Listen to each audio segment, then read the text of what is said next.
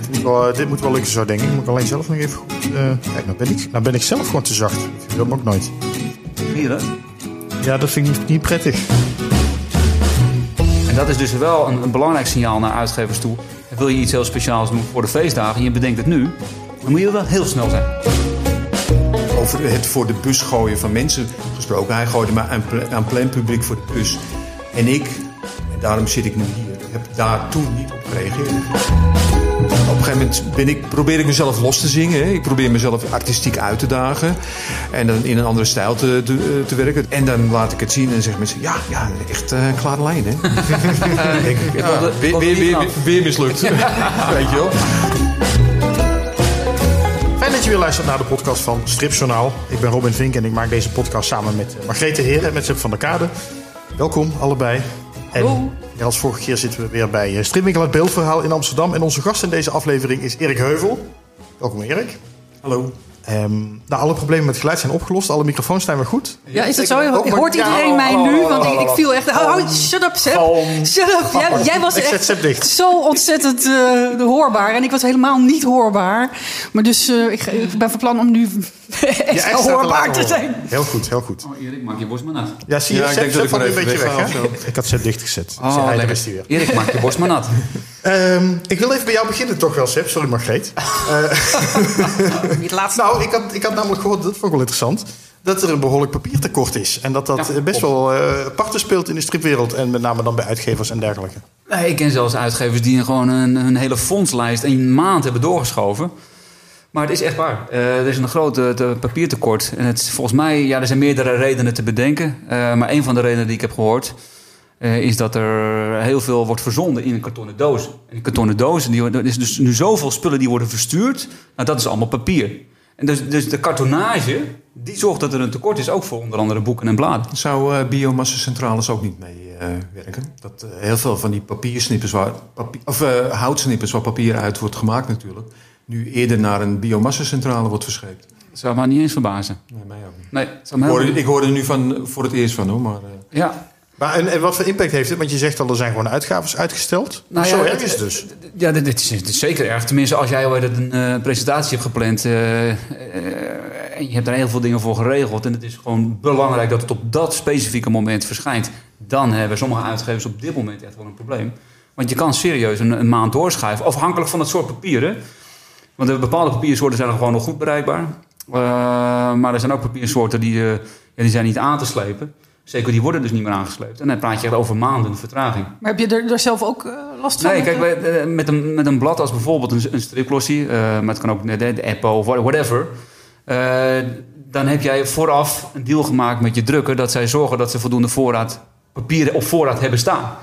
Dus de, wat mij betreft mijn bladen als een jump en een striplossie, daar heb ik geen probleem. Want dat is al ingekocht, dat ligt gewoon in het magazijn. Maar op het moment dat jij besluit om hem een hele mooie luxe uitgave te maken van, ja, van Blake Mortimer of wat dan ook. Ja, dan, eh, en je zegt, ik wil dat papiertje en ik wil het volgende maand hebben. Wat normaal gesproken een prima doorlooptijd is, vier weken. Ja, dat, kan je, dat kan je vergeten. En dat is dus wel een, een belangrijk signaal naar uitgevers toe.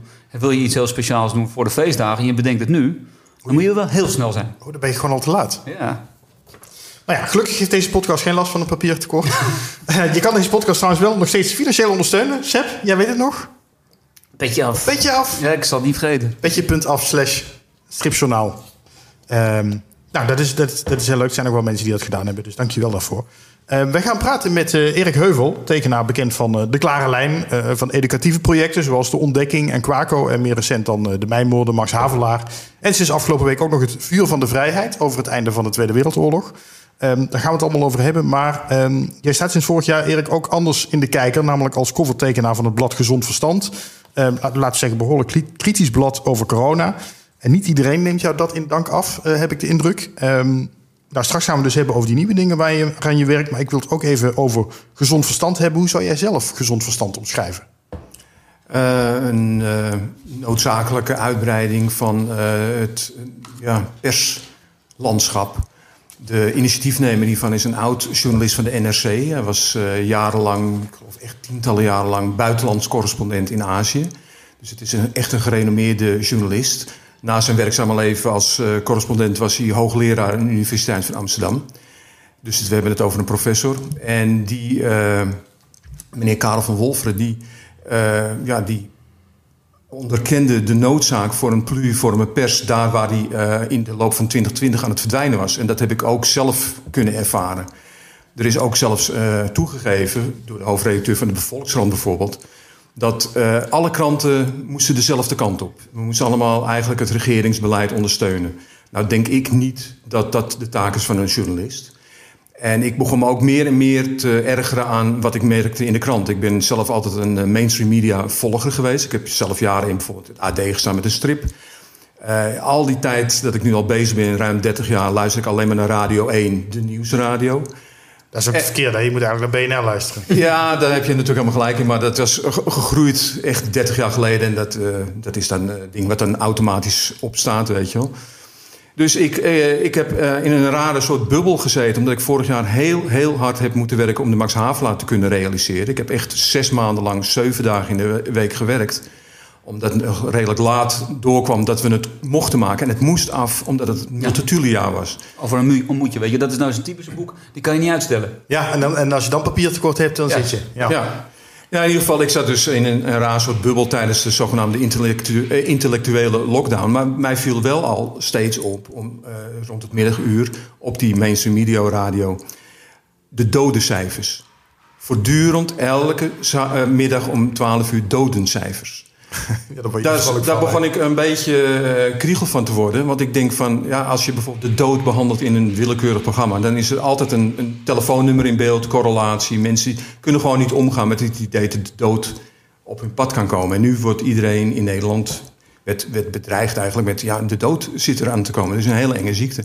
En ik schrok me ook dood, hoor, toen het... Uh, dood.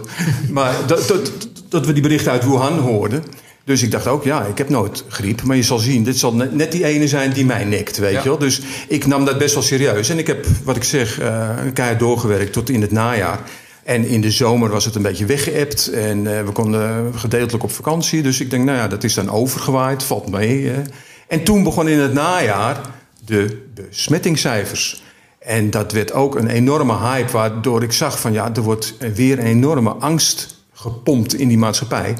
En ondertussen had ik ook alternatieve media ontdekt. En had ik ook meneer Karel van Wolfer ontdekt, die uh, zo nu en dan uh, ja, zich laat interviewen of een lezing of iets dergelijks geeft op diverse kanalen. En die had het erover van ja, er is iets mis ook met de pers. Wij hebben behoefte aan een pluriforme pers.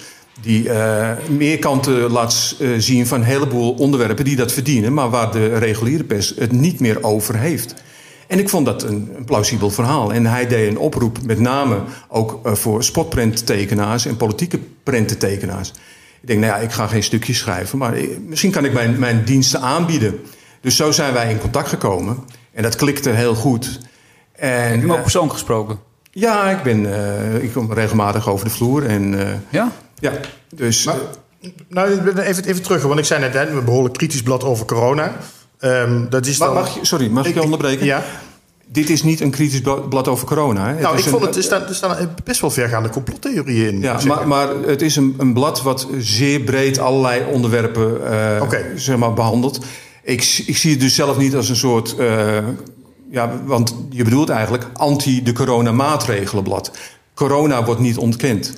In dat blad staat ook dokter Rob Elens, die bijvoorbeeld een propagandist is van alternatieve geneesmiddelen in profilactische uh, stadium. Dus uh, zelfs om te voorkomen dat je ziek wordt. En dat is nu dan volgens velen alleen maar het vaccin. Maar er zijn dus andere middelen. Ja. En maar, die, nou ja, zijn maar, verboden. Maar, nou ja, maar er staat bijvoorbeeld ook dingen in als...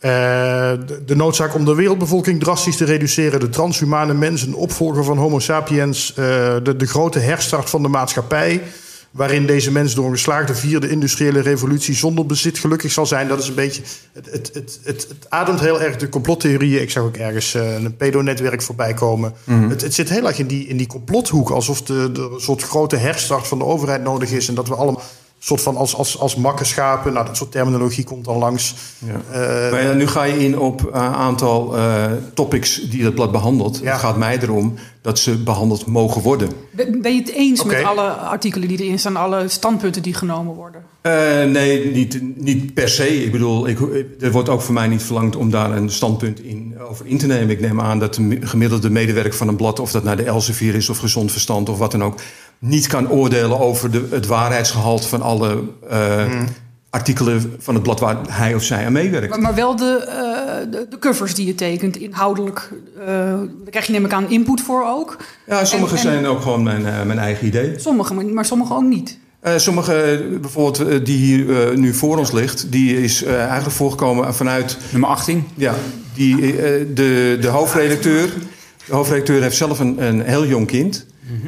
Ondanks zijn eh, gevorderde leeftijd. En hij is enorm eh, bezorgd over eh, de, ja, de tendens om ook een leeftijdsgroep die totaal niet bedreigd wordt door corona. te gaan injecteren met een, eh, een experimenteel middel. Zal ik hem even... Ja, je moet hem even omschrijven. Even omschrijven. Of wil je het, wil je het zelf doen? Ja, ik, eh, en het is natuurlijk in het kader daarvan dat ik hier enorm veel over mij heen kreeg. Dat, eh, wat eh, in beeld of in, in, in het oog springt, dat zijn witte jassen. En dan wordt automatisch gedacht aan de zorg. En de, degene die mij eh, hierop eh, zeer bekritiseerde, die vond dat ik eigenlijk de zorg voor de bus gooide.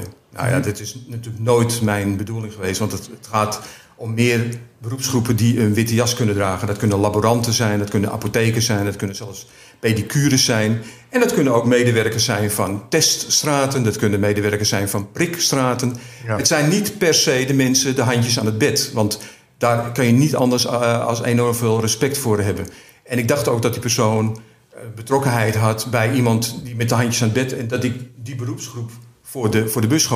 Maar dat is dus niet het geval. Nou ja, die, die persoon, dat was uh, Jos van Waterschoot, daar hebben we het over, geloof ik, hè? Ja. Nog even, de, de, even, even, even, goed beschrijven? Ja, wat het oh ja, ja da, omschrijf ik even. Ik heb uh, twee uh, medewerkers uh, be behandeld in een witte jas. Uh, de ene steekt bij een kind een, uh, een PCR-wattenstaafje in de neus. En de ander bedreigt een jong gezin met een, met een naald. Ja. Dus, ja, en dan staat er linksonder, hè, staat er dan de, de, de streamer, zeg maar, de ankeiler, zoals ze dat mooi noemen. De PCR-verminking van onze kinderen. Ja. Daar is hij ook aan gerelateerd, denk ik, aan dat artikel. Uh, die artikel heb ik niet uh, gelezen. Ik heb alleen te horen gekregen dat... Uh, van, ja, we moeten iets met het feit dat ze nu de kinderen willen gaan injecteren. Ja. De, degene die daar uh, nogal kwaad over werd inderdaad op Facebook was Jos van Waterschoot. Degene met wie hij net, net de Max Havelaar heeft gemaakt. Hè, de scenarist ja. van de Max Havelaar. Um, dat maakt het wel, uh, wel, wel uh, bijzonder. Um, hij zei inderdaad, deze veiligheid wordt verspreid onder een bom van vrije pers. Terwijl het niet anders is dan demoniseren van hardwerkende zorgmedewerkers en onze medische stand. Um, dan zeg je net van ja, het, hoeft, het zijn gewoon witte jassen, het hoeven geen zorgmedewerkers te zijn. Precies. Maar je weet toch, als tekenaar weet je toch wat, wat een beeld doet. En hoe je dat een witte jas en een dokter, dat dat voor heel veel mensen gelijk staat. Dat dat het beeld is van een dokter. Ja, maar zelfs als dat uh, het geval is, dan is, uh, vind ik, elke beroepsgroep en elke functionaris, wie dan ook, is aan kritiek onderhevig. En als jij als arts uh, kunt weten dat het hoogstwaarschijnlijk kwalijk is wat je daar inspuit bij kinderen. Ja, dat is natuurlijk de vraag. Dat is inderdaad de vraag. Maar het is de taak van een pluriforme pers om daar een discussie over te starten. En als dat op voorhand wordt weggestopt, dan krijg je die discussie nooit. En het gaat om, uh, die, die, die ontstaat er niet. En ik vind het erg noodzakelijk dat die wel kan ontstaan. Ik bedoel, een, een, een prent, en dit is dan uh, geen politieke prent, en het is ook, maar het, het, het is een soort uh, ja, aankondiging van een onderwerp in een blad. Uh, kan de taak hebben om een discussie los te maken. En dat is ook de, de taak van politieke prenten. Daarom zijn ook juist politieke prententekenaars vaak doelwit van mensen die vinden dat het gesprek niet op gang mag komen. Ik bedoel, we kunnen het heel lang nog hebben over de inhoud van het gesprek en over de coronamaatregelen. Maar het gaat mij erom dat die beroemde vrijheid van meningsuiting, en die komt ook tot de uitdrukking in beeld, dat die er mag zijn. Ja. En daarna komt de discussie. De, de, maar de vrijheid van meningsuiting is, is natuurlijk wat anders dan uh, op grote schaal complottheorieën verspreiden. Daar zit natuurlijk nog wel een, daar zit wel een licht tussen. Ja, maar wie bepaalt wat een complot is? Ik heb wel eens in de afgelopen tijd uh, het grapje gehoord. Heeft er nog iemand complottheorieën? Want die er waren, die zijn allemaal uitgekomen. Dus dat is, ja, maar het is iets ook wat, wat eh, eh, achteraf pas beoordeeld kan worden. En het is een, uh, techniek om op voorhand mensen met, met, met gerechtvaardigde zorgen bijvoorbeeld een beetje kal te stellen in het gesprek. Het schijnt ook een techniek te zijn die is ontwikkeld door de CIA naar aanleiding van de moord op Robert Kennedy, of John F. Kennedy. Dus dat staat ook in het eerste nummer uh, van, uh, van Gezond Verstand. Dat dat smijten her en der met de term complottheorie... om daarmee je gesprekspartner zeg maar al te stellen... ja, dat is een, herkende techniek. Ja, maar er is toch ook een soort van... Um, is, er is nooit bewijs voor natuurlijk.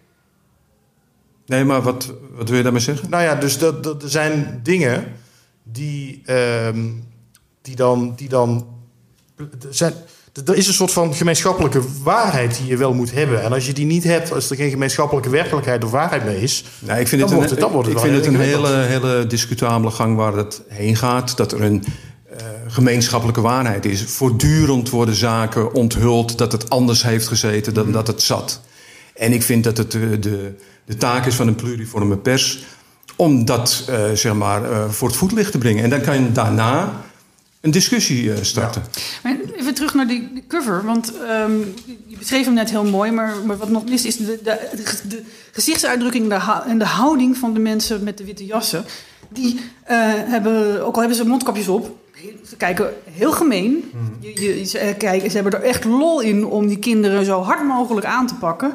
Er zit een moeder die een kind probeert weg te houden. Dus het is een heel heftig beeld. Het roept echt iets op van... je hebt de mensen in witte jassen... die willen jouw kinderen wat aandoen. En um, we hebben ook al gehoord van dat, dat, mensen bij teststraten worden bedreigd, worden aangevallen. Um, wat vind jij daar dan van? Want jouw beeld roept wel die agressie ook op tegen die, die mensen. Nou, ik vraag me af of dat werkelijk zo is. Uh, maar uh, uiteraard is de vrijheid van meningsuiting begrensd door wetten. En die wet uh, is heel duidelijk en oproepen tot geweld is, hoort daar niet bij. Maar nogmaals, er is niet zo erg qua censuur dan zelfcensuur. Ik vind dat dit moet kunnen. Zo nu dan schuurt het. Maar het, het roept een discussie in het leven die, waarvan ik vind dat die erg noodzakelijk is. Ja, maar roept het behalve discussie niet ook gewoon meer agressie op? Als je, ja, ik bedoel, dit is... Nou, ik heb dat nu voor het eerst eigenlijk gehoord. Ik heb dat nergens gehoord en ik heb mijn voelsprieten wel uitstaan... Ook bij het lezersbestand uh, van, van gezond verstand. En dat heb ik eigenlijk nergens gehoord. Dus ja, het is ook uh, flink end.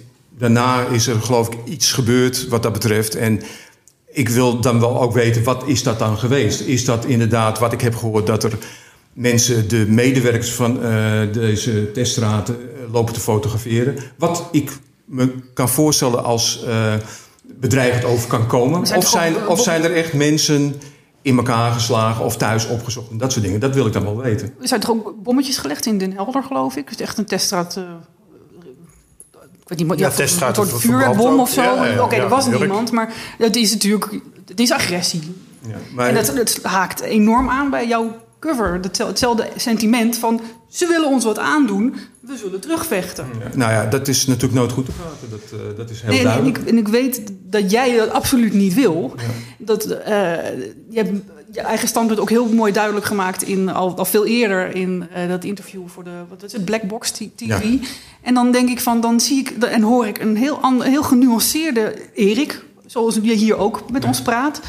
Um, die ik niet kan rijmen eigenlijk met als ik deze cover zou zien zonder dat ik jou zou kennen. Dan denk ik, hier zit iemand achter die wil inderdaad dat ik een vuurwerkbom ga gooien. Nou ja, ik vind dat een invulling die uh, geheel uh, van jou is natuurlijk. Ik, uh, ik, ik, zou dat niet hebben als ik dit zie. Maar ik zou de, de, de handelingen die hier plaatsvinden zeer ter discussie stellen. Dat zou mijn insteek zijn. En nogmaals, geweld is volledig vreemd aan mij. Dus ik kan me ook niet zo goed verplaatsen dat dit zoiets op kan roepen.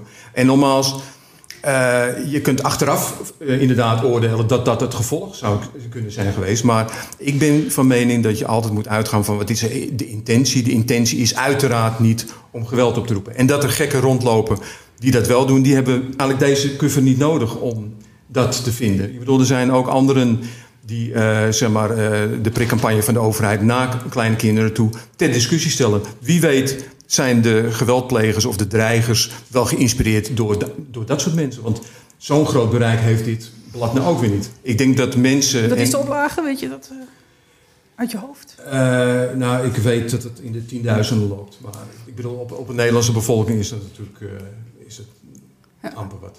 Is dit opgepakt ook door andere media, eh, voor zover je weet, Erik? Door de landelijke media, dit initiatief? Eh, heel in het begin, en dat was ook de reden waarom ik bij Blackbox eh, terecht kwam. Ja? En dat is ook wat ik, wat ik dus heel kwalijk vind. Eh, de, de intentie van die hoofdredacteur, die vond ik zuiver. Dat was ook de reden waarom ik benaderde. En het is puur toeval dat ik op die cover terecht ben gekomen. Want ik tekende gewoon bij een artikel iets. En dat werd de, de cover van het eerste nummer. En daarmee werd meteen een trend gezet. En hij zei, ja, ik Dus zou, die doe jij de cover? Ja. ja, hij zei, ja, ik vind het wel leuk als je dat zou willen blijven doen. En, nou ja, goed. Eh was niet dus mijn intentie toen ik dat eh, begon. Maar om terug te komen op je vraag.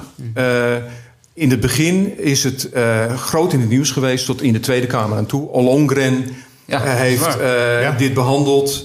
En het werd meteen ook in het belachelijke getrokken. Precies. Mensen als Marian Koopman die zeiden... moeten we hier iets niet mee? Nou, dat vind ik ook, als we het hebben over bedreiging... vind ik dat zeer bedreigend. Want Want dat, uit de broeners gehaald worden. dat suggereert Ja. eh, persbreidel, dat eh, eh, suggereert censuur. Terwijl vorig jaar Mark Rutte juist de, de Turkse premier kapittelde over de, de onderdrukken van de vrijheid van meningsuiting in, in dienstland. Dus dat vond ik heel raar. Hè? Waarom wordt zo'n Marion Koopmans dan niet even gevraagd van wat bedoelt u ermee? Van moeten we hier iets niet mee? En eh ja, Ollongren in de Kamer, die werd ook eh, streng bevraagd over wat, wat- wat, bedoelt u eigenlijk hiermee? Ja. Eh, we, we kunnen het niet tegenhouden, zei ze. Maar je merkte gewoon aan alles dat ze het wilden tegenhouden. Nou, dat, dat in die begindagen, want het ging om de eerste paar nummers... liep ik dan ook eh, bij, met, met de mensen rond Karel van Wolf. We hadden echt zoiets van, nou, we kunnen elk moment eh, dat het eh, platgelegd wordt. Ja. Die sfeer ontstond. Ja, toen, dan word je gebeld door een... eh, Flavio Paschino. En die had een hoogleraar in de, in de uitzending. En of ik ook mijn zichtje wilde doen. Want dat was toen de, ja, de hype van gezond verstand. En, en ik denk dat die uitzending van... er waren een aantal programma's die er aandacht aan besteden... ervoor hebben gezorgd dat eh, de uitlating van Ollongren... in de mensen hun hoofden terechtkwamen... als ware dit een complotblad. En ja, ik vind dat toch een vorm van een soort eh massa-hypnose. Dat je dat van tevoren al zegt, weet je, dan is het ook in de kopjes van iedereen. En hetzelfde wat eh, Jos van Waterschoot deed, dat ik mensen voor de bus zou hebben gegooid. Nee, ik stel iets ter discussie. En als je dat erin ziet, dan is dat omdat je er ook in wil zien. En eh, ze zouden mijn intentie hebben kunnen nagaan. We hebben dagelijks contact bijna gehad over de Max Havelaar. En nu aan plein publiek. Hij had ook even privé kunnen bellen. Hij had kunnen vragen, Erik, wat is je bedoeling hiermee? En dan vertel ik, je, vertel ik hem dat er mensen zijn die zich echt zorgen maken over de toekomst van Jullie hebben daarvoor dus met elkaar hier niet over gehad. Nee, hij heeft jou niet eh, ik- gebeld inderdaad eh, da- daarvoor. En dat jij drie keer hebt je standpunt hebt herhaald. Waarvan hij zoiets had van nou, eh, nou ben ik het zat. Ik zet het op mijn Facebook. Voor de goede orde wel op zijn eigen tijdlijn. Maar toch, heeft natuurlijk wel heel veel volgers. Eh, Tenminste, hij heeft, hij heeft voldoende vriendjes die het dan, dan weer gaan, eh, gaan delen. Heb je het Nee. daarna de hand nog met hem over gehad? Sorry? Heb je het daarna de hand nog met hem over gehad? Jawel, jawel. Ik, eh, want ik vind het eh, persoonlijk nogal vergaan dat je dan ook meteen wordt ontvriend. En dat- wat hij dus deed op zich, weet je wel, dit eh, zo in de openbaarheid brengen. Ik bedoel, als je een eh, dispuut hebt met een, iemand met wie je heel nauw hebt samengewerkt, dan is het gewoon, vind ik, chic om die persoon privé even te vragen. Maar hij gooide hem- over het voor de bus gooien van mensen gesproken. Hij gooide me aan, aan plein publiek voor de bus. En ik, en daarom zit ik nu hier, heb daar toen niet op gereageerd. Ik vind dat gewoon niet chic. Dat wordt een scheldpartij in woorden waar niemand wat aan heeft. Voor de goede orde, wij hebben ook Jos van Waterschoten Ja, ik gevraagd hem nog wel om aanwezig maar te ja, zijn. Maar dat Hij, hij was niet nodig. Nee, dat. eh, eh, ja, ik heb dat, dat was alweer een tijdje terug. Toen heb ik hem inderdaad ook gevraagd mee, hiermee wilde doen. Ehm, maar hij zei ook, ehm, eh, ik heb er eigenlijk... Kijk, het is, jij maakt die keuze om covers te tekenen voor dit blad. Maar hij zei van ja, het staat ook af op eh, het, het andere werk en dus op de Max Havelaar. En Jos zegt, ik heb er gewoon last van dat ik daar steeds op, op word aangesproken... op wat Erik doet voor dat blad Gezond Verstand. Ja, dat heb ik ook vernomen. Want ik heb wel eh, per e-mail contact met hem gezocht. Ja. Ik zeg van... eh, Jullie hebben niet, niet gebeld. Jullie hebben niet... nee, Nee. nee. maar ik ben sowieso niet zo van bellen hoor. Ik hou niet zo van telefoneren. Ik ik bel heb- altijd, hè, Erik. ik ben een beller. Ja, maar, maar Martin. Lodewijk ook. eh, Ja. Dus eh, daar, daar, daar zitten we ook. eh ships that sail, eh, pass in the night. Ja. Maar nee, ik heb eh, niet gebeld. Ik heb een e-mail gestuurd. Ik heb ook altijd zoiets van wie schrijft, die blijft. Kan je nog even terug eh, lezen. Je kan even contempleren voordat je een reactie geeft. Want als je iemand aan de telefoon hebt, dan moet je meteen op dat moment ook hè, Ja. reageren op diens woorden. Dat, eh, ja, dat is gewoon een voorkeur, maar dat doet er verder niet toe. Ik heb het inderdaad gevraagd. En wat ik dacht, nou, misschien heb Jos eh, kennis of vrienden die in de gezondheidszorg werken. En dat hij daardoor eh, ja, dat een soort verbondenheid met die mensen. En, en dat erg navindt voor die mensen als ik dat zou hebben gedaan. Hè? Zorgmedewerkers voor de bus gooien. Nee, dat was dus inderdaad niet het geval. Dat speelde niet. Het was inderdaad wat jij net zei, Robin, dat hij erop wordt aangesproken. Eh, en dan denk ik bij mijn eigen, ja, maar je bent toch mans genoeg om te zeggen tegen die mensen die jou erop aanspreken: van dit is Erik Heuvel, die heeft een eigen afweging gemaakt. Neem met hem contact op. Ik heb daar verder niets mee te maken. En dat heeft ook niets te maken met onze samenwerking aan de Max Havelaar. Dus ik begrijp niet. Ja, hij heeft wat- denk ik het gevoel, interpreteer ik een beetje, maar hij heeft denk ik het gevoel dat het daardoor ook een smet is op zijn werk, op die Ja. Max Havelaar. Nou ja, er was één concreet voorbeeld, denk ik, eh, Robin. Er was een artikel en een recensie in onder andere, ik meen ook Boekenpost. Eh, waarin eh, iemand die jij ook notabene kent, eh, volgens mij Margreet... die heeft een recensie gemaakt over de Max Havelaar. En die eindigde dan... Nou ja, ik wil er opmerking- wel, wel een stukje uit voorlezen Ja, anders. Oh, dat is misschien het. wel Ja. handig, want Ja. eh, dat is eh, eh, docent letterkunde Koen Peppelenbos. Nee, Nee, is een Maar die kent Margreet niet. Nee. Ehm, hij was eigenlijk best wel positief over de Max Havelaar, maar dan aan het eind schrijft hij... Wat me bij het lezen dwars zat, is de betrokkenheid van Erik Heuvel bij het blad Gezond Verstand. Een, een blad voor complotgekkies en viruswappies. Hoe kun je aan de ene kant de Max Havelaar verstrippen... boek dat toch geldt als een protest tegen het koloniale systeem... en tegelijk de voorkant van een blad tekenen... waarop een klas met mondkapjes op door een museum wordt geleid... waarbij de leerlingen een werkstuk moeten maken over de slavernij... en ze tot een schrik afbeeldingen van zwarte mensen met muilkorven op het gezicht zien. Dat je die vergelijking alleen al maakt, laat zien, laat zien dat je werkelijk geen fuck begrepen hebt van de geschiedenis. Hoe godvergeten stupide kun je zijn? Dat vond ik wel een pittige. Ja, dat is pittig. Dit is overigens een andere die ik bedoelde. Want, eh, nou, deze, Ja, jij bedoelt eh, waarschijnlijk Ja. die van eh, Mans, hè? Hoe heet Ja. Eh, Willard Mans. Willard Mans. Oh ja. ja. Ja. Want die had een, een vergelijkbare, maar die was iets milder. Ja, iets milder, De- maar, deze- maar ook in mijn eh, Ja. boekje eh, volledig de plank misslaand. En ik heb met hem ook eh, buiten de openbaarheid om eh, contact gezocht en e-mails eh, uitgewisseld. En aan het einde moest Willard zeggen, touché. Want hoe hij mij eh, in een rijtje zet van mensen die dus hele foute strips hebben gemaakt in hun jonge jaren. We zullen maar zeggen jeugdzonde, à la Hergé of Van der Steen. Daar werd ik in dat rijtje gezet. Nou, normaal ben je blij als je in het rijtje wordt. Maar nu wa- was het echt eh, puur eh, guilty by association. Zo was het bedoeld. En dat vind ik erg kwalijk. En ik heb ook gevraagd, Willem, heb je het blad wel eens gelezen? Nee, had hij niet. Eh, een journalist die mij heeft geïnterviewd voor het eh, Noord-Hollands Dagblad... heb ik ook gevraagd, heeft u het blad wel eens gelezen? Nee, had ze niet. Ik zeg, is het niet verstandig om dat eens te doen van tevoren? En ook eens je te verdiepen in de intentie van de makers ervan. Een pluriforme pers eh, verzorgen, daar waar die nu op dit moment ontbreekt in Nederland.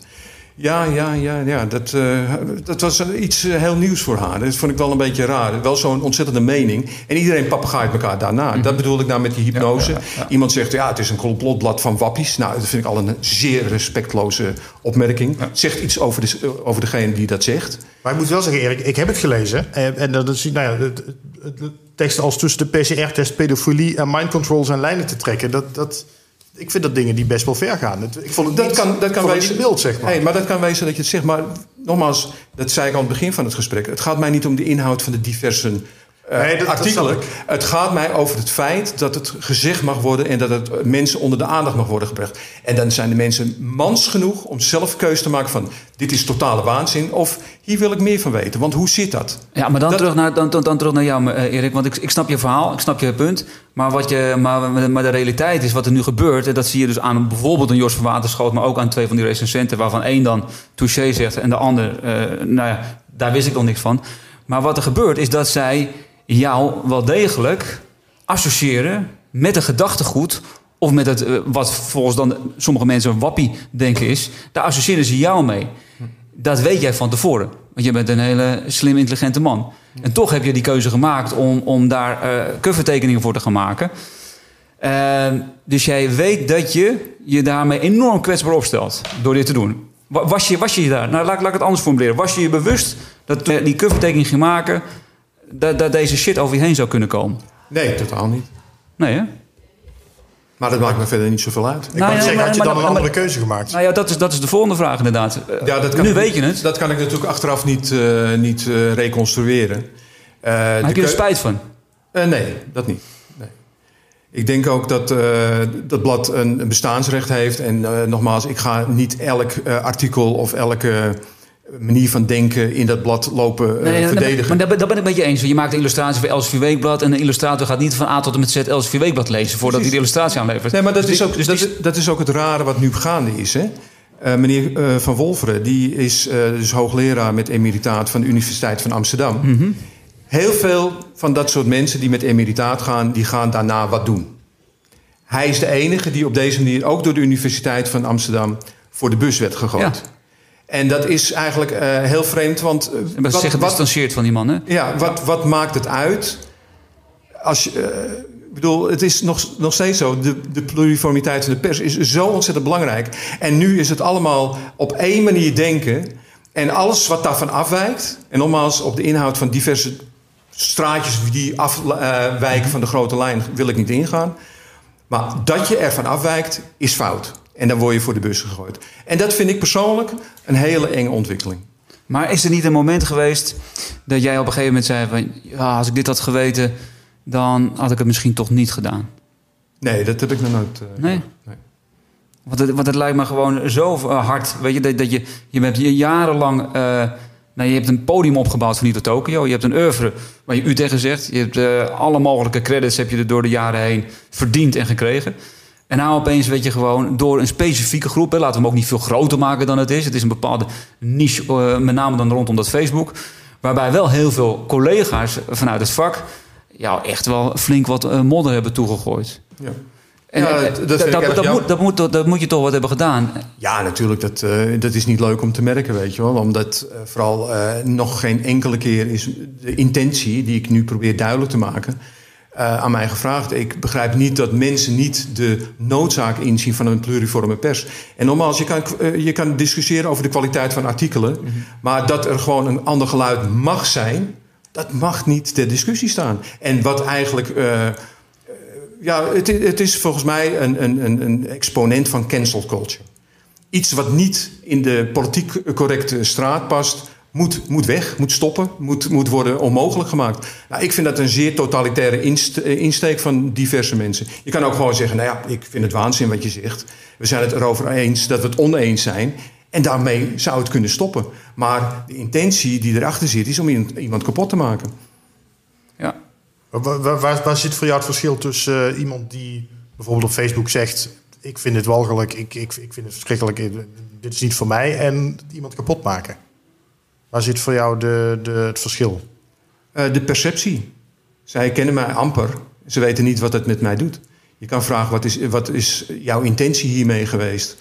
En nogmaals, ik ga niet de verantwoordelijkheid opnemen, eh, op mij nemen van eh, allerlei zeg maar, artikelen die erin staan. Ik kan ze ook niet eens allemaal lezen, weet je. Maar dat wordt ook niet gevraagd aan een medewerker van de Vrij Nederland of Ja. een medewerker van. Want dat Maar iemand, iemand mag toch ook zeggen dat hij dit verschrikkelijk vindt? ja, natuurlijk. Ik ben wat dat betreft voor, voor volledige vrijheid van meningsuiting. Maar dan echt op een, op een bijna Amerikaanse manier. Dat, dat echt de enige eh, restrictie is oproepen tot geweld... of echt onverantwoord eh, handelen. Bijvoorbeeld als jij in een vol theater gaat roepen brand... dat is dan denk ik van ja, erg onverstandig wel. Maar, toch, maar toch voel jij je voor de bus gegooid als iemand zegt... op plein publiek, misschien is dat het... ik vind het verschrikkelijk. Nee, nee, dat, eh, dat heb je me niet eh, verkeerd begrepen. Eh, of niet goed begrepen. Ik ben niet zozeer voor de bus gegooid. Ik vind het erg, ja, moet ik het zeggen. Je zou zeggen dat je ietsje meer krediet zou hebben. En er zijn dus mensen, en nogmaals, die kunnen het volledig abject vinden wat, wat daar gebeurt. Maar wat ze doen is zonder eerst met mij in gesprek te gaan, in het openbaar, hun, hun, ja, hun riedeltje af, afdragen. Ik denk dat misschien ook dat je tekenaar bent. Eh, zeker als je politieke cartoons gaat maken, dan gaan mensen niet zich afvragen wat is de intentie van de tekenaar. Die moet in één keer duidelijk zijn. Nee, dan heb je het over de mensen. Maar ik heb het nu over mensen met wie ik een, een, Ja. een band heb. Dat vind ik nog wel een groot verschil. Ja, maar het, het komt toch ook uiteindelijk neer op wat je getekend hebt. Want dat roept een, Ja. een, een gevoel op. Ja. Van Erik, zal het, Erik zit daar, Erik bedoelt het zus en zo. En jij zegt, dat zit anders. En mensen vragen me niet naar die intentie. Is dan de tekening misschien niet goed? Is, Ja. hij, is hij niet te scherp? Maar ja, dat is, dat is eh, een, een, een discussie of een gesprek wat, waar, waar je nooit uitkomt. Daar kan je echt nooit uitkomen. Nou ja. Want wil dat, wie gaat dat voor mij bepalen? Het is beroepsmatig gezien wel een interessante discussie natuurlijk. Want als jij een tekening maakt en, en de, de- je eigen bedoeling erin komt niet goed over... dan Nou, is het een slechte tekening, toch? Bij, bij eh, aan een paar mensen komt het niet goed over. Bij heel veel mensen komt het heel goed over. Dat kan ik je verklaren. Want eh, de, zeg maar de, de, ja, hoe moet ik het noemen? De community rond eh, gezond verstand, dat is een hele grote. En ik eh, ontmoet regelmatig de mensen die, daar, die, die dat blad ondersteunen. Dus ook financieel. Dus een grote groep vrienden voor gezond verstand. En op dat soort gesprekken, dan, dan is er geen enkele commentaar in, in zeg maar, deze trant. Ja. Nee, dat snap ik. Maar als ik deze cover zie, dan denk ik niet... oh, Erik is voor pluriformiteit. Dan denk ik, oh... Ja, wat denk ik? nou ja, dat heb ik net al gehad. Nou, dan, dan, denk- dan denk jij misschien hetzelfde als George. De demoniseert de zorg. Eerder. Nou, ik vind het een ingewikkelde, Erik. Omdat ik, ik ben natuurlijk heel erg voor, voor vrije pers. En ik vind ook dat er heel veel kritiek op eh, coronabeleid mag zijn. En dat je moet afvragen of het wel goed is aangepakt. En, en nou, daar kun je heel veel kritiek op hebben. En volgens mij gebeurt dat ook best wel. Alleen zodra je... eh, Toen ik ermee begon niet hoor. Maar goed. Nee, het begint misschien wat minder. Dat is wel waar. Dat was, toen was er een soort van angstreactie waarschijnlijk ook. Die achteraf gezien ook, denk ik, wel overdreven was. Ehm, maar zodra je dan eh, eh, Bill Gates erbij gaat halen... Of, of dat er chips worden ingebracht of dat soort dingen... Ja, dan, dan, dan, vind ik het, dan gaat het mij voor een vrije pers toch wel te ver, eerlijk gezegd. Ja, dat vind ik een hele gevaarlijke manier van redeneren. Ja, vind je dat? Ja. Nou, ik vind niet wie dat ben jij, wie ben Nee, jij? mag, kijk, mag, juridisch gezien mag het. Hè. Dit, Ja. blad, ik, dit blad mag er zijn, mag in de winkel liggen. Maar ik snap wel dat dit, een, ehm, eh, dat dit, dat, dat dit als een bepaalde dubieuze hoek wordt gezien. Ja, maar het is grappig dat je alleen maar dit soort eh, zaken eruit eh, zeg maar, licht. En nogmaals, ik ken niet alle artikelen hoor. Eh, ik wil het beperken tot het feit dat het er mag zijn en dat de discussie daarna pas plaatsvindt. Want op het moment dat de discussie ervoor plaatsvindt, eh, zou dat betekenen dat er van tevoren een soort ja, consensus zou gaan ontstaan van wat er wel of niet gez- gezegd mag worden. En ik vind dat alles gezegd moet worden. En dat mensen het dan lezen en dan zelf onderzoek gaan doen en bekijken wat er is. Want er staat bijvoorbeeld ook eh, in de eerste nummers bijvoorbeeld, die, die ik nog wel eh, helemaal van A tot Z spelde. de Maar dat, is, maar dat is wel belangrijk wat je nu zegt, vind ik hoor. Want je, de eerste nummers heb je dus inderdaad wel van. Want ik, waar, waar ik nog een beetje moeite mee had, is jouw. Want ik snap jouw punt. Daar ben ik namelijk volledig mee eens. Je gaat niet als een illustrator, als je bij een bepaald blad zit, ga je niet elke keer van A tot met Z lezen. Maar je moet je natuurlijk wel eh, kunnen vinden in een bepaalde signatuur Ja. van het blad. Nou, Eh, ik- ik- en dat ik- heb je dus wel gedaan, want je hebt de eerste drie nummers van A tot en met Z gelezen. Ja, omdat ik eh, toen ook eh, ietsje minder tijdgebrek had enzovoort. Dus Ja. tijd, tijd gewoon had om dat te doen. Maar in dit geval, ik ben niet voor niks in contact getreden met Karel van Wolferen. Omdat hij als hoofdredacteur, in mijn optiek, zeer verantwoord... en ook gebaseerd op de enorme eh, bronnen en eh, contacten die hij heeft in de wereld... en dat bedoel ik echt wereldwijd... eh, onderzoekt wa- wat er gaande is. Maar waarom staat je naam er niet bij? Ik wil eh, zeg maar de, de activiteiten die ik als striptekenaar en als betrokken en ja, zeg maar iemand die maatschappelijk actief is, die twee werelden wil ik gescheiden houden. Ik maak er geen geheim van. Als er naar, gevraagd wordt, zeg ik het ook meteen. Ja. Maar je moet het een beetje zien, zonder dat die vergelijking helemaal opgaat. Maar Giraud tekende st- westerns en Möbius tekende science fiction, weet je wel. Dus het is gewoon, eh, die werelden wil ik gewoon uit elkaar houden. Want die V, staat dat ergens voor? Want er staat nu V, hè? Ja, Virx. Het is dus niet V van Vendetta, als je dat misschien soms denkt. Zo is het helemaal niet bedoeld. Ik, eh, ik heb, eh, als, als, als kind eh, was ik gefascineerd door eh geheimschrift. En dan heb je een eh, geheimschrift dat heeft als formule A is Z. Dus dat betekent dat je het alfabet zo naast elkaar zet. En de B is dan... En, Ja, en. Erik is Virx, dus V-I-R-X. Oh, kijk eens aan. En er maar, zijn zo- mensen die denken dat het van de Theo van de Boogaard is van, vanwege de V. Oh, dat, dat hoor ik ook niet voor het eerst. Maar Ja, dat zijn mensen die niet goed eh, onderscheid kunnen zien, maar eh, ik heb dat is gewoon goed gehoord. Zullen we hem hiermee eh, dit afsluiten en naar het voorleeshoekje gaan? Eh, dan wil ik nou even nog een bruggetje tussen. Oké. Een heel logisch bruggetje. En dat had iets al genoemd. eh, het vuur van de vrijheid. Ja. Oh ja, dat, eh, dat album, nieuwste moet- album. moeten we het daar dan eerst over hebben? Ja, daar moeten we het eerst Oh. Ehm, nou, dan moet ik even eh, ik heb zo voorbereid. Nou ja, eh, eh, het Vuur van de Vrijheid is net uit, eh, Erik. Een eh, strip over het einde van de Tweede Wereldoorlog. Ehm, voor de rest mag je me even zelf vertellen, want ik weet niet goed wat, wat Margreet allemaal nodig heeft als introductie. Kun je er iets meer over vertellen, hoe dit tot stand is gekomen? En, Ja, eh, nou, wat, wat ik zeg, ik, eh, ik denk dat ze bij mij terecht zijn gekomen omdat ik een aantal eh, educatieve albums heb gemaakt over de Tweede Wereldoorlog. En dit aspect van de oorlog, ja, dat wordt natuurlijk aangestipt, maar het wordt niet breed uitgemeten in die andere albums. En, er is een stichting die heeft te maken met Hotel de Wereld, waar zeg maar de onderhandeling over de capitulatie werden gevoerd tussen de Duitsers en de geallieerden in Wageningen. in Wageningen. En eh, die stichting die eh, vond dat er eh, voor echt de lokale situatie, dus scholen in Wageningen en omgeving, wat meer rugbaarheid en bekendheid moest worden gegeven aan die geschiedenis. En dat, dus, de- centraal daarin is meneer Sjoerd, Sjoerd de Vrij. Ja, precies. Dat is een persoon die echt heeft bestaan. Die was journalist voor zeg maar het bedrijfskrantje van Bata Schoenenfabrieken in, in Brabant in de jaren 30. En eh, op een gegeven moment eh, werd hij, na zoveel jaren bezetting, eh, werd Eindhoven bevrijd. En daar werd Radio Herreizen Nederland opgericht.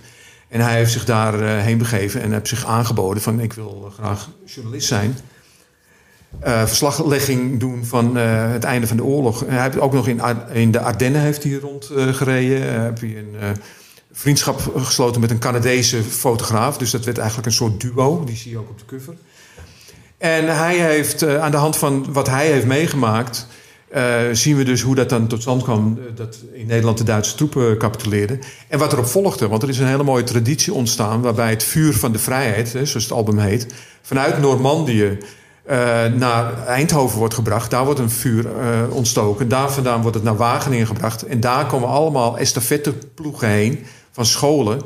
Die gaan het dan op 4 op 5 mei in de nacht gaan ze het vuur, een estafettestokje gaan ze aansteken. En daar rennen ze het vuur naar hun eh, ja, gemeente waar ze dan vandaan komen. En zo wordt dat vuur eigenlijk vanuit Normandië in estafettevorm eh, naar Nederland gebracht. En het album wordt ook gratis als een vuur eh, verspreid onder scholen uit de regio, begreep ik. Eh, dat weet ik niet zeker. Eh, het zal gesubsidieerd, want het, ja, het kan natuurlijk niet helemaal. Vanuit de gemeente is dat. Ja, wel- wellicht, maar daar weet ik eh, niet zoveel van, moet ik zeggen. Maar ik weet wel dat het is opgepakt om eh, ook landelijk te, eh, zeg maar, te verspreiden. Ja. En daarom werd uitgeverij L bij betrokken.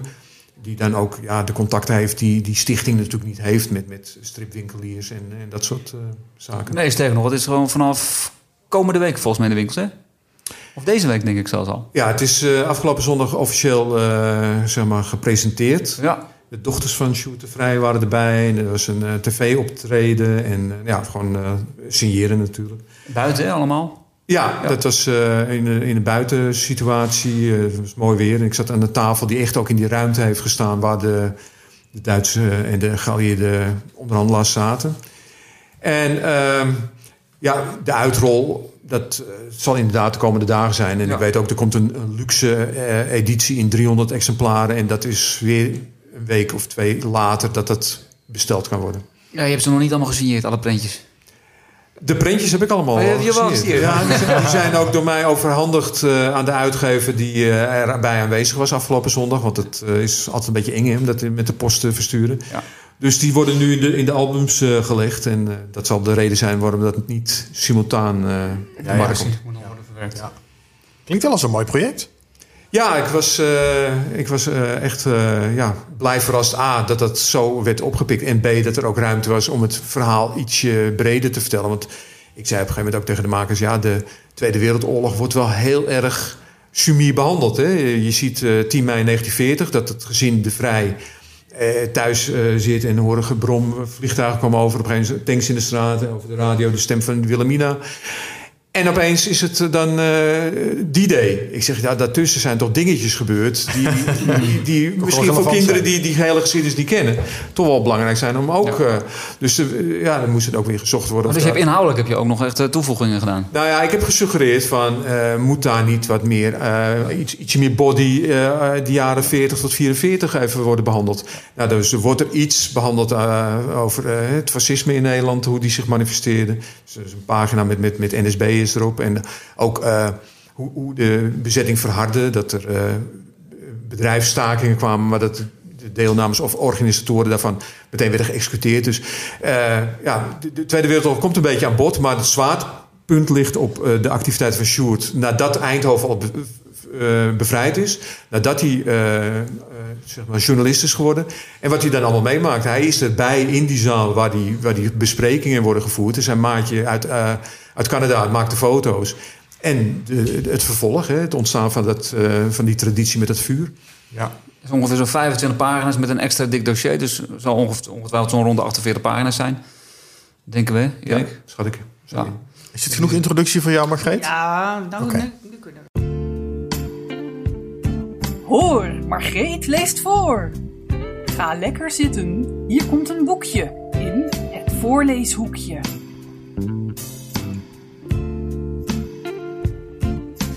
Ik eh, probeer altijd iets te, te vinden wat bij de gast past of eh, uit het werk van de gast voor te lezen.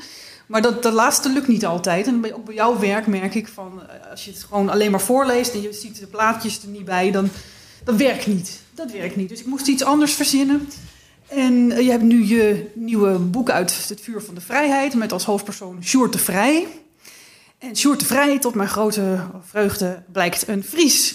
Die is geboren in Jouren eh, in 1913. En dus ik dacht, oh, ik ga iets doen met eh, strips in het Fries. En toen heb ik een oproep gedaan op Facebook. Wat eh, af en toe ook nog wel eens eh, leuke dingen oplevert. Het uh, vermaledijde Facebook. En ik kreeg echt een eh, zo ontzettend eh, grote respons. Ik heb echt... Het begon met allemaal suskes en wiskes die vertaald zijn in het, eh, in het Fries. En ehm, een speciale libelle is er ooit in het Fries geschreven. Dus ook een Jan, Jans en de Kinderen eh, aflevering. Ehm, nou, een heleboel strips zijn vertaald. Ik heb eh, van de, de uitgever van Personalia, of, of, oftewel Jouwerij Personalia, die heeft uh, Afke Stiental, dat zie je van Mark het Afke, toch Drik Matena uitgegeven. Uh, en toen kreeg ik nog veel meer binnen, ook uh, echt Friese strips. Um, die oorspronkelijk in het Fries geschreven zijn. Oebelen en Abelen, de Frieske vrijbutsers. Dat is natuurlijk, dat, dat, zou, dat past ook heel mooi bij jouw thema van de vrijheidsstrijders door Aart Cornelissen. Rolof Weidsma heeft een, uh, uh, de, om de wereld in 80 dagen in het Fries uh, getekend en geschreven. De, de, de Leeuwarder collectief Muthoen heeft natuurlijk heel veel in het stadsfries gedaan. Kortom, ik kreeg ontzettend veel binnen. Wat gewoon vertaald Fries werk is. Ik dacht van nou, dan kan ik laten horen dat ik ook wel een beetje Fries kan hoor. Ik ben geen, niet Fries van geboorte, maar ik kan het een beetje spreken. Dus ik, uh, ik zal eerst een klein stukje van mijn eigen Fries laten horen. En dan moeten jullie raden welke strip het is. Komt-ie. Oh jee. Golje is Hielendol bezet. Hielendol? Nee.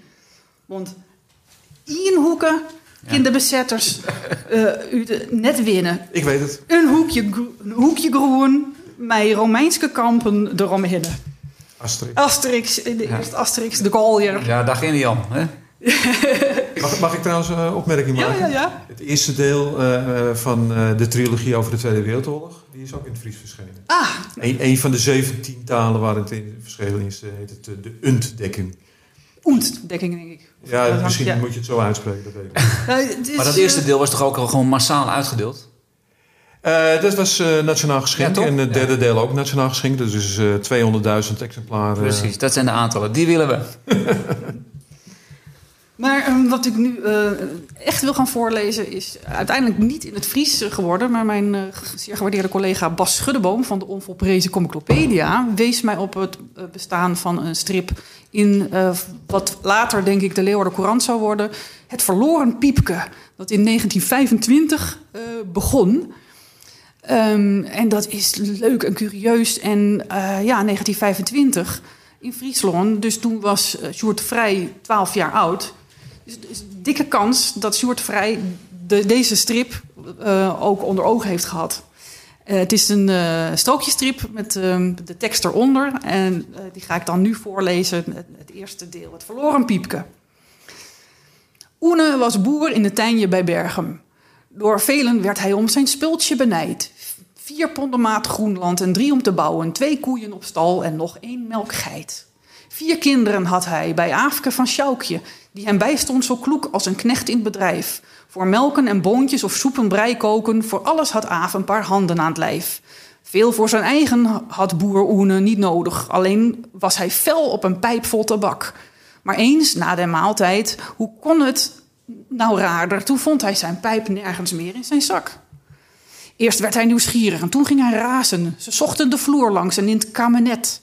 Maar nergens was hij te, zijn piepke te vinden en hij moest zonder zijn piepke te bed. Nou, dat, dat, daarom heet het dus ook het verloren piepke. En dat gaat blijkbaar jaren zo door. Want het volgende wat ik vond bij Delver overigens, delver.nl, kun je bijna alle kranten terugvinden die uh, uitgegeven zijn. Uh, in 1929, deel 23, uh, komen we dan aan. En dan is er al blijkbaar een heleboel avontuur geweest. En dat pijpje nog steeds niet gevonden. Um, en de kinderen zoeken inmiddels mee. En het jongste Roeltje, daar gaat het, uh, die komt bij de zigeuners terecht. Ook Roeltje was, zoals men weet, aan het zoeken naar Piepke van Heid. En hij dwaalde in een woud waar bedelvolk huisde. En echte zigeuners kampeerden met wijven als heksen zo oud. De hoofdman zag Roeltje en sloop naar hem heen en rekende uit... Heb ik dat kind in mijn macht, dan kan ik er een goochelaar of kunstenaar van maken. Dat was wat de schurk op dat ogenblik dacht. De hoofdman was wonder op schik met het Berntje. Zijn vrouw grijnsde het aan met een gezicht van een aap.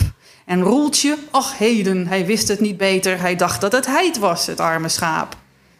Maar nu moest hij leren van allerlei kunstjes als goochelen, springen en dansen op het koord. En zo mee verdienen het geld op de kermis. Zo reisde hij mede van oord en tot oord. Geen idee hoe het afgelopen is met het piepke, maar... Dit... Ik vond het weinig Fries. Nee, inderdaad, het is dus niet in het Fries. Nee. Uh, alleen heid is. Uh, Heid wel, maar ja. kijk, het Heid voordeel is dat nu iedereen het ook kan verstaan. Er Ja, ik dacht ook al, ik, ik versta opeens Fries. Wat is er, goed, wat is er gebeurd? zitten wel een paar woordjes tussen. Ja. Ik sluit hem af, eh, Margreet. Voorleeshoekje. Dat was het weer. Tot de volgende keer bij het voorleeshoekje van Margreet de Heer. Ik wilde eindigen met eh, nou, een paar dingetjes. Ik wil het in ieder geval nog even hebben over eh, iets nieuws waar je ook mee bezig bent, Erik. Met eh, wat je samen met Willem Ritstier doet. Jeff Rylander, moet ik het noemen, geloof ik, hè? Juist. Ehm, in, in het stripblad Maxix. Ehm, hoe bevalt die samenwerking met Willem Ritstier? Eh, erg goed. Het is een eh, lang gekoesterde wens. Wij eh, hebben ooit eens naar elkaar uitgesproken dat we eens een keer samen wilden werken. En we zijn daarvoor ook eens een keertje naar Antwerpen gegaan om daar bij Belgische uitgever gesprek te hebben. Dus uiteindelijk niet concreet iets uitgekomen. Maar die wens bleef hangen. Net zoals ik ooit in het verleden ook wel eens een, wens had uitgesproken met Jacques Post wat te doen. En daar ging ook jaren overheen voordat we de meimoorden hadden. Dus eh dat is eh, goed om dat soort eh, intenties te hebben en dat Ja. te, te koesteren. Is, is dat heel anders met Willem werken dan met je andere werk? Nee, hij levert een heel goed scenario aan op een wijze waarop ik er ont- ont- onmiddellijk mee aan de, aan, aan de, aan de slag kan. Ik nee, ik, ik vraag het eigenlijk omdat ik Willem altijd... De stijl van Willem vind ik altijd heel erg... Er gebeurt van alles, een soort explosie van dit en dat en dat achter elkaar. En, en jij bent heel gestileerd en hè, dat is natuurlijk jouw stijl. Ja, dus dit- ik vind het een hele, ik vind het bijna een, ook al is, is zijn stijl, schrijfstijl en jouw stijl een tekenstijl, maar ik vind het bijna een botsing van stijlen die wel interessant is. Ja, maar ik heb die, die stijl waar eh, de meeste mensen me van kennen eh, ook eh, hiervoor losgelaten. Ik heb ja, meer. Eh, ja, ik zou het geen klare lijn meer noemen. Maar weet je, dat is ook een, een, een term die volgens mij aan inflatie onderhevig is. Want op een gegeven moment ben ik, probeer ik mezelf los te zingen. Hè. Ik probeer mezelf artistiek uit te dagen. En dan in een andere stijl te, te, te werken. Dat heb ik met Carbo geprobeerd. Dat heb ik met eh, Max Havelaar geprobeerd. En dan laat ik het zien en zeggen mensen... ja, ja echt eh klare lijn, hè? Ik, ja, er- weer, er weer, weer, mislukt. Weet je wel? Dus eh, ik, ik doe dat dan omdat ik gewoon... wat ik zeg, ik wil mezelf... eh, artistiek uitdagen en ontwikkelen. En ik ben nooit als zeg maar zogenaamde klare lijn tekenaar gestart. Hè, Peter van Dongen is zo iemand die meteen vanaf de start alles wat ik van hem ken, ook in de amateurbladencircuit, en hebben we het over de 30, 40 jaar geleden, was al die klare lijn. En ik heb uh, altijd in heel uh, andere stijlen gepubliceerd in, in dat amateurbladencircuit waarin de meeste mensen misschien wel starten. En die klare lijn, dat kwam op mijn pad uh, door een, door een tip van Martin Lodewijk. Hij zegt, ja, je hebt geen academie gehad. je hebt, als je nou een snelle ontwikkeling wil doormaken... een ontwikkeling die normaal tien jaar duurt... Die, die kan je door de klare lijn te hanteren... door te leren kijken en alles terug te brengen naar de essentie... kun je dat terugbrengen, die ontwikkeling van tien jaar... naar vijf jaar of misschien wel twee jaar. Ja. En dat heeft. Uh, want ik was er niet eens een fan van. Hè. Ik, Kuifje was niet mijn, mijn favoriete strip. Wat dus, was je favoriete strip dan? Toen, ja, toen zat ik ook uh, Giro, uh, Möbius, meer de realisten, weet mm. je wel. En, maar daarvoor was ik helemaal gek van alles van, van Mad. Het blad Mad is mijn, mijn, mijn eerste liefde. Dus uh, Moord Drukker of uh, ja. Jack Davis. Ik, ik, tekende de hele schoolkrant, uh, teken ik ermee voor. dus ik ben wel verschillende kanten. Maar ik, ik zag wel dat Martin iets zei wat, wat, wat logisch was. Hè? Ik moest, zonder dat ik een academie had, moest ik wel heel snel heel veel leren. En je leert inderdaad alles terug te brengen tot de essentie, hè? die bekende klare lijn. En dat betekent niet alleen maar de lijnvoering, maar ook gewoon hoe je de ruimtelijkheid ziet. En hoe je menselijke emoties door een heel klein stipje kan je uh, het stipje ietsje groter maken, kan je de gezichtsuitdrukking van een personage volledig anders laten zijn. Ja, dat, dat, ik heb het leren waarderen, die klare lijnen. En ik zie nu ook uh, de ontzettende schoonheid van ook het werk van uh, Hergé enzovoort. Ja, ja. Tijd, we zijn bijna aan het eind van de podcast. Dat betekent ook tijd voor de kettingvraag. Daar zijn we de vorige twee podcasts mee gestart. En, uh, je stelt eigenlijk een gast aan de vraag in de volgende podcastaflevering. Maar dat betekent ook dat de vorige gast een vraag van jou heeft. Dat was Robert van der Kroft. Mag je je koptelefoon even opzetten, want dan ga ik hem laten horen.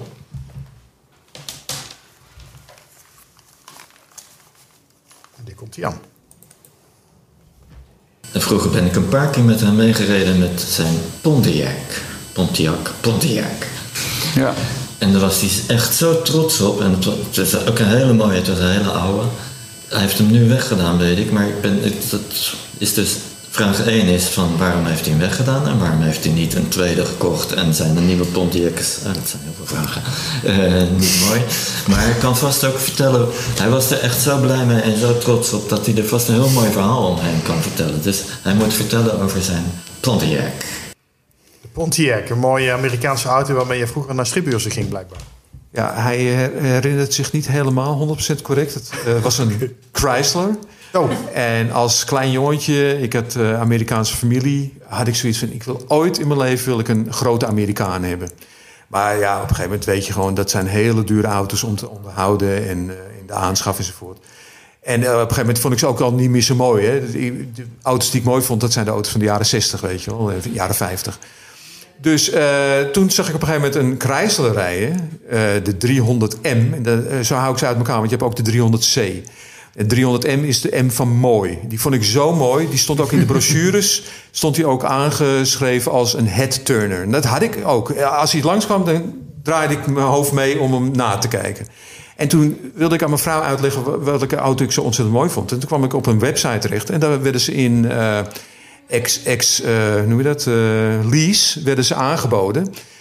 En ik dacht, dat is helemaal niet zo duur. Dat ging maar om 10.000 of 12.000 euro toen.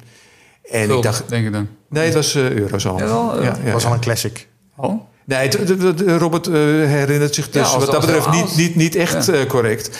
Het is de, de Chrysler in de tijd dat ze ook bij Fiat zaten. Mm -hmm. Dus toen waren ze al Europees. En dat is nu inmiddels ook alweer veranderd. Maar we hebben het over deze eeuw. Dus het is geen klassieker uit de jaren 50. Het is een Chrysler 300M, de M van mooi. En die uh, ben ik dus gaan halen. En daar heb ik vier jaar mee gereden. En dat was uh, op een gegeven moment is die wens uit je systeem. En dan komen de kosten. En dan denk ik van nou. Want zo'n Amerikaan, uh, als je bijvoorbeeld uh, bij een andere auto de accu moet uh, veranderen, vernieuwen, dan gaat de klep omhoog. Je ziet dat ding zitten, pak klemmen los, accu eruit erin en klaar. Hier moest de halve motor worden afgebroken. En uiteindelijk moesten ze nog via de wielkast, moesten de wiel helemaal naar buiten draaien. En via de wielkast moesten ze er binnen. Nou ja, ik denk toen die andere kosten erbij kwamen, ik denk, nou, dat, dat wordt een hele kostbare eh, kwestie. Dus eh, afscheid genomen. En die hele wens, ik, ik heb sowieso weinig met auto's. Is Wat rij je nu dan? Nu eh, de, de wens van mijn vrouw.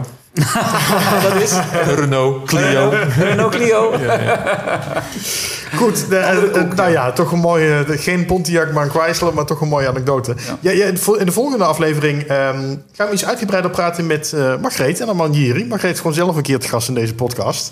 Ehm, en jij mag dus een kettingvraag stellen aan Margreet, eh, eh, Erik. En dat is een beetje gek, want ze zit er al bij, maar de antwoord komt dus pas in de volgende podcast.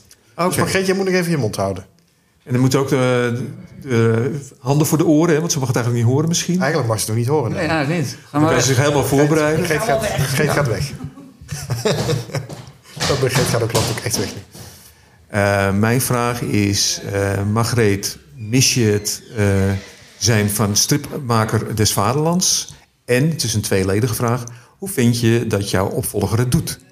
Nou, ik denk dat dit redelijk de kern is waar we het volgende keer over gaan hebben inderdaad. Dus dat is wel leuk, want eh, nou, dat, dat gaat zeker ter sprake komen. Je mag weer terugkomen, Margreet. Ja, dat hoort ze niet. Ja, oh, dat, dat zou ik... Nou, dat hoort geldt wel. Oh, dat is verdacht dat ze dat al... Misschien heeft ze de vraag al gehoord. Heb je de vraag al gehoord? Nee, goed zo. Over vragen gesproken, we eindigen natuurlijk met de prijsvraag. Daarvoor gaan we even terug naar de eerste podcastaflevering van dit seizoen met eh, Johan Lomme, oud-hoofd- hoofdredacteur van Donald Duck. Had een hele mooie speciale uitgave van 65 jaar Donald Duck meegenomen. Waar eh, zowel zij als de nieuwe hoofdredacteur Ferdy Velderhof een mooie boodschap in hadden geschreven. Het codewoord was Buzz Lightyear. En ik heb hier een mooi bekertje met allerlei eh, briefjes van namen erin die zich hadden, daarvoor hadden ingeschreven. En Erik, jij mag er eentje uittrekken. En eh, kijken wie daar uitkomt als winnaar.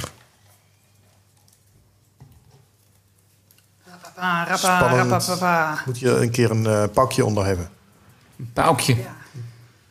Nou, die kan je er wel... eh, ja, die kan je er toch in mixen. Moet ik het... Ja, ja, kom maar door.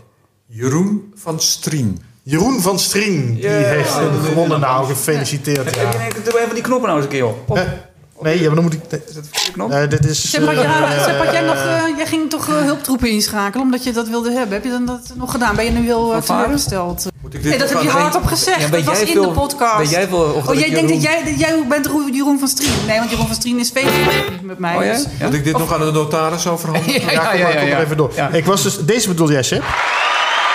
Ja, heel de gele. Als ik gewoon applaus wil hebben, doe ik op de gele knop. Ja, ja, maar dat ligt er ook weer aan hoe ik hem ingesteld heb. Ik had Oh. veel te lang nodig om dit allemaal op te zoeken, blijkbaar. Ehm ik wilde daar nog iets over zeggen, maar ik weet nu niet meer wat. Er was, volgens mij was Jeroen van Strien degene die zei... ik vind het wel een beetje dubieus dat je via Petje Af... eh, mensen dubbele kans geeft om te winnen. en hij heeft gewoon één kans gehad en hij, hij, wint, hem- hij wint hem meteen. Nou, vanaf- vanaf- trekken we een nieuwe. Jeroen. Jeroen, Nee, dat, dat mag. Ehm, nee, ja, oh ja, we, gelijk, gelijk censureren die handel. we hebben, we hebben de, de, de, de prijs van de vorige podcast, die blijft nog even liggen. Ik zie hier het album van Jos en Jimmy en ik zie het album van Claire. Eh, twee prijzen weggeven dus de volgende keer. Dus daar maak je nog steeds kans op als je het codewoord invult. Dan moet je de vorige podcast terugluisteren. Maar we hebben er ook nog eentje van eh, Erik Heuvel. Ik heb hier een mooi album van January Jones. Die ga je zo meteen signeren. Voor de prijsvraag stripjournaal.com slash actie. Dan kun je winnen, maar daar moet een mooi codewoord bij. En dat mag jij nu gaan noemen, Erik. je kijkt me ook echt aan van, wat nu? Ja. Ja, je moet een codewoord bedenken. Ehm, maakt niet uit wat voor woord. Maakt niet uit wat. Alles mag. Virx. Ah. V-I-R-X. V-I-R-X. Virx. De, de, het pseudoniem van, eh, van Erik eigenlijk. Waar we het eerder over gehad hebben. Ehm, ja, dan zijn we er denk ik. Oh ja, zie, ja, zie je, dan wil ik nog zeggen dat je dus dubbel kans kan maken op die prijs... eh, door je aan te melden als supporter van deze podcast. Op Scepter is die. Ja, Petje af. Petje af. Petje.af slash stripjournaal. Ja, en Jeroen van Strien dus inderdaad. Ik heb het hier nog even opgeschreven. Die vond dat wat dubieus. Nou ja. Eh, maar Jeroen, je hebt er wel mooi mee gewonnen. Ja. En hij had zich niet eens dubbel aangemeld. Goed. Dit was de Stripjournaal podcast voor deze keer. Dankjewel dat je er was, Erik. Fijn. Graag gedaan. Margreet en Sepp natuurlijk ook. Ja, volgende keer gaan we dus uitgebreid met Margreet praten. Waarom niet? Ik heb me Is veel te is stilgehouden. Ik, ik had zoveel leuke vragen voor je. Ja? Mag je dan naar de, naar de podcast Ja, mag dan, Ja, mag je zo meteen even gewoon praten. Ja. Eh, als je wil reageren kan dat natuurlijk via social media kanalen, Facebook, Twitter, Instagram, dat soort dingen. Mailen kan naar info.stripjournaal.com. En geef ook even een rating in de podcast app, dat we heel leuk. Volgende keer Margreet en Amandiri. Tot dan.